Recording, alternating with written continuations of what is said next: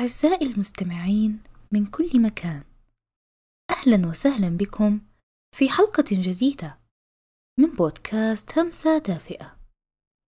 ما جعل مني راغبة في إعداد هذه الحلقة هو موقف ترامى إلي منذ زمن.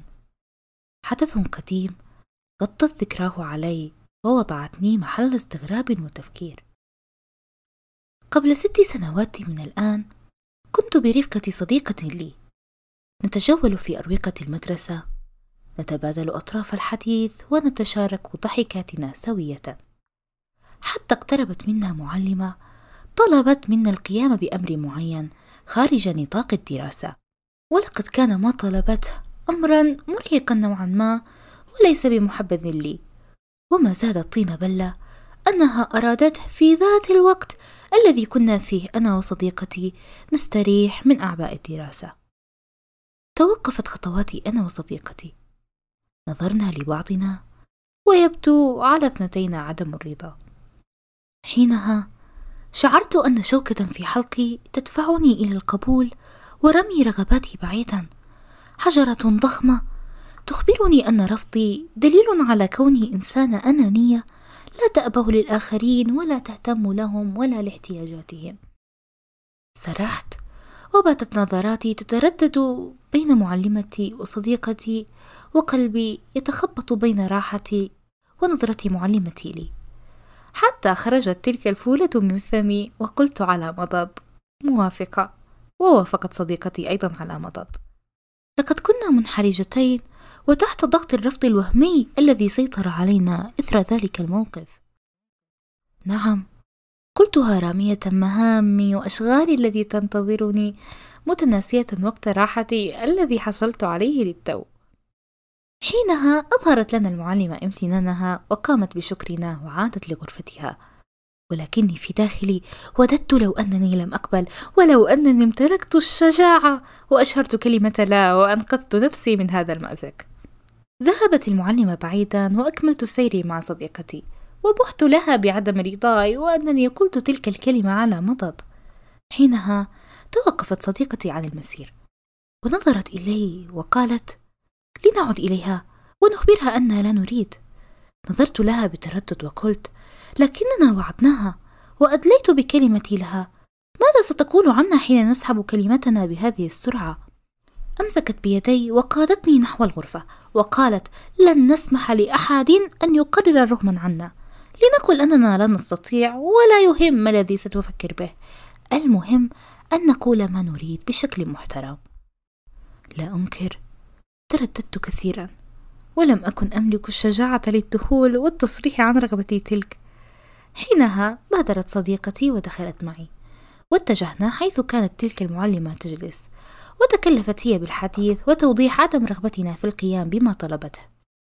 خرجت من الغرفة وكنت أتنفس الصعداء ولكن شعرت أن جبلا كبيرا انزاح عني بكلمة واحدة فقط. قالتها صديقتي استطاعت من خلالها تحريرنا من قيد ذاك الطلب. نظرت لصديقتي وقلت في نفسي كم أنها شجاعة؟ استطاعت تقديم رغبتها على نظرة الآخرين لها. علما أن نظرة تلك المعلمة لي لم تختلف ولم يحدث شيء من الذي كنت أتوقع حدوثه.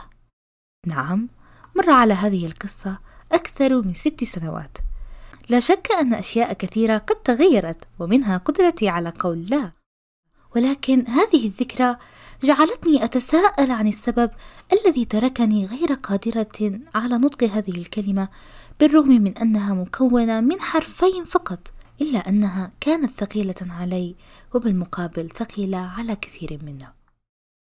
لا حرف لها عدة استعمالات كالنهي والنفي ولكننا سنتعرف عليها في هذه الحلقة باعتبارها جوابا. لابد أن طبيعتنا البشرية تحب المشاركة والمساعدة وتقديم العون لمن يحتاج وهذا أمر محمود في ديننا الحنيف. وتزداد هذه الرغبة مع الأشخاص القريبين منا كالأقارب والأصدقاء أو من تربطنا بهم أعمال والتزامات. ولكن تطرأ علينا بعض الطلبات التي قد لا نكون فيها في وضع يسمح لنا بالقبول أو قد تكون امورا تهدد استقرارنا أو باختصار لا نود القيام بها من الأساس لما فيها من ثقل وتبعات تعقب القيام بذاك الطلب. كانت تلك الظروف فستضعنا في موقف يتطلب منا أن نقول وبصراحة لا. وهذه اللا تحمينا من تبعات هذا الأمر أيا كانت. ومن هنا يجب أن نعرف متى نقول لا وكيف نقولها وما هي الحواجز التي تمنع البعض من قولها. دائما ما تكون الأوقات التي نحتاج فيها كلمة لا محملة بمطالب لا تتناسب مع وضعنا الراهن أو القادم ولا يشترط أن تكون طلبات مادية. قد تكون رحلة مع مجموعة من الأشخاص أو معلومة شخصية يسأل عنها أحد الناس. واجب مدرسي تقوم به عن أحد الطلاب وغيرها من الأمثلة الكثير. مثل هذه الأمور قد لا نستطيع القيام بها أو ظروفنا لا تسمح لنا بالقبول أو أننا لا نمتلك الوقت الكافي لإنجازها. أو أيا كان ما يمنعنا فسنكون في موقف يستوجب منا أن نقول وبكل صراحة لا لتوضيح وضعنا وعدم استطاعتنا على تنفيذ ما طلب منا. وهو حق مشروع لنا في حال عدم توافر الاستطاعة. فكلمة لا تحميك من الأحمال التي فوق طاقتك. ولا سور منيع يفصلك عن كل استغلالي يراك مجرد بستان ثماره متاحة طوال العام ولا خط دفاع يوضح حدودك. ما إذا تخطاها فضولي لا يهتم لخصوصيات الآخرين ولا رادع لكل فعل لا يحمد ولا يرغب. فلا ترسم هويتك وشخصيتك وتعطي عنك انطباعا يوحي بالقوة والثقة وأنك شخص ولي نفسه وآرائه لا تابع لآراء الآخرين. لا توصل للطرف المقابل احترام مساحتك ورغباتك وأنك شخص يجب أن يراعى ولا يعامل معاملة المغفل. لا مهمة لتضع لك وزنا واحتراما بين الآخرين. وعلى الرغم من أهمية لا في حياتنا إلا أن هناك الكثير لا يستطيعون الإدلاء بها لعدة أسباب. ومنها أن البعض يظن أن من مسؤوليته إرضاء جميع الناس. ويرى أن هذه هي الطريقة المثلى لتحصيل المحبة من الآخرين.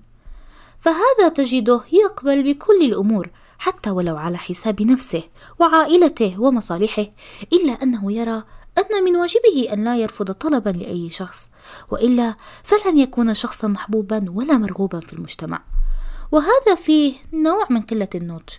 فهذه ليست الطريقة المثلى لتحصيل المحبة أو لإظهارك بطلا وذو شهامة ونخوة. فقد تكون هذه الطريقة بابا يستغله بعض الأشخاص السيئين لتحقيق مصالحهم الشخصية التي قد تودي بك طريح المشكلات. تذكر أنك مهما حاولت لترضي الناس فلن تستطيع إرضاءهم بأي شكل من الأشكال، وأن استمرارك في القبول ما هو إلا استنزاف لذاتك وطاقتك أضف إلى ذلك أنك بتصرفك هذا تحرق نفسك لأجل أناس قد لا يقدرون قيمة ما تقوم به بل وقد تستدرجهم بقبولك المستمر لجعلهم يعتقدون أن ما تفعله واجب عليك متغافلين عن كونه نابعا عن كرم منك فتجدهم يطالبون بما ليس من حقهم بكل وقاحة وجرأة بل ويعتبون إن أظهرت لهم عدم استطاعتك. وهنا نستخلص قاعدة في غاية الأهمية. من لا يعذرك عند عدم استطاعتك لا يستحق منك أن تأبه لمشاعره وتدوس على وضعك لأجل إرضائه ومراعاة خاطره. فهو لم يحترم وضعك من الأساس ولم يأبه لحالك ولا لظروفك. فيجب عليك حينها قول لا بصرامة لوضع حد صريح لهذه النوعية من البشر. وفي حال إن كنت من الأشخاص الذين يهتمون كثيرا لمشاعر الآخرين تذكر أن شعورك هذا ليس منقصة فيك ولكن كن ذكيا واختر من يستحقون اهتمامك هذا. ففئة كتلك التي ذكرناها لا تستحق الاهتمام ولا الحزن عما إذا تغيرت نظرتهم عنا لمجرد توضيح ظروفنا وعدم استطاعتنا. فمن يحبنا حقا يلتمس لنا العذر ولا يظهر عتابه وغضبه. لمجرد اختيار حقنا في الرفض. وهناك أشخاص يدفعهم خجلهم الاستبعاد لا من حياتهم رغم معرفتهم بما يجري وعلمهم بوجود أشخاص يستغلونهم بشكل واضح إلا أنهم يخجلون من المطالبة بحقهم وتوضيح حدودهم للآخرين. إذا كنت تعاني من هذه النقطة جرب ولو لمرة واحدة أن تتشجع وتقول لا لا أستطيع. أو ليس لدي الوقت الكافي؟ ستكون في البداية ثقيلة ولكن عندما تلاحظ الفرق ستمتلك شجاعة أكبر لقولها مع الأيام والمواقف القادمة التي تستدعي منك البوح بها. ولكن بالمقابل عليك أن تعرف بالضبط متى تقولها وبأي أسلوب تصيغها وأن تختار الموقف المناسب لطرح مفعولها. فلا تجعل كلمة لا معملقة في نظرك لدرجة أن تحجب رؤيتك عمن هم حولك وأن تكون حكيما لا مندفعا أثناء قولها. فهناك أمور تستحق أن تقول لها نعم وهناك فرص يجب أن تقابلها بالترحيب والقبول وعدم المجازفة بلا لمجرد أنها كلمة صعبة لا يستطيع البعض قولها فتضيع الفرصة عليك. ولا تنسى أن هناك أشخاصا يستحقون أن تخدمهم. وتساعدهم. المهم أن تختارهم بعناية. وتذكر أن هناك أمورا تفعلها لذاتك لخالقك طمعا في الأجور وتحصيلا للبركات والخير من رب العباد. هذه أمور لا تنقب وراءها عن شكر ولا عن امتنان من البشر بل اجعلها لوجه الله واحتسب فيها الأجر والثواب. ولكن لا تجعل منها حجة لنفسك فتكون محل استغلال وتسمح لغيرك بالاستمرار في استنزافك لمجرد أنك تبتغي الأجر والثواب. فلا تنسى أن المؤمن كيس فطن. صحيح أن هذه الجملة ليست حديثا كما يظن البعض ولكن مضمونها صحيح. فالمؤمن لا يخدع ولا يخدع وإذا ما لمس خداعا أو ريبة من أحدهم تعامل معه بذكاء وفطنة وأبدى مهارة في انتشال نفسه من أنياب الطامعين واستغفالهم فديننا دين قوة لا دين ضعف. وختاما تذكر أن تضع كل شيء في نصابه فذلك عين الحكمة. دمتم في رعاية الله. عواطف السرحان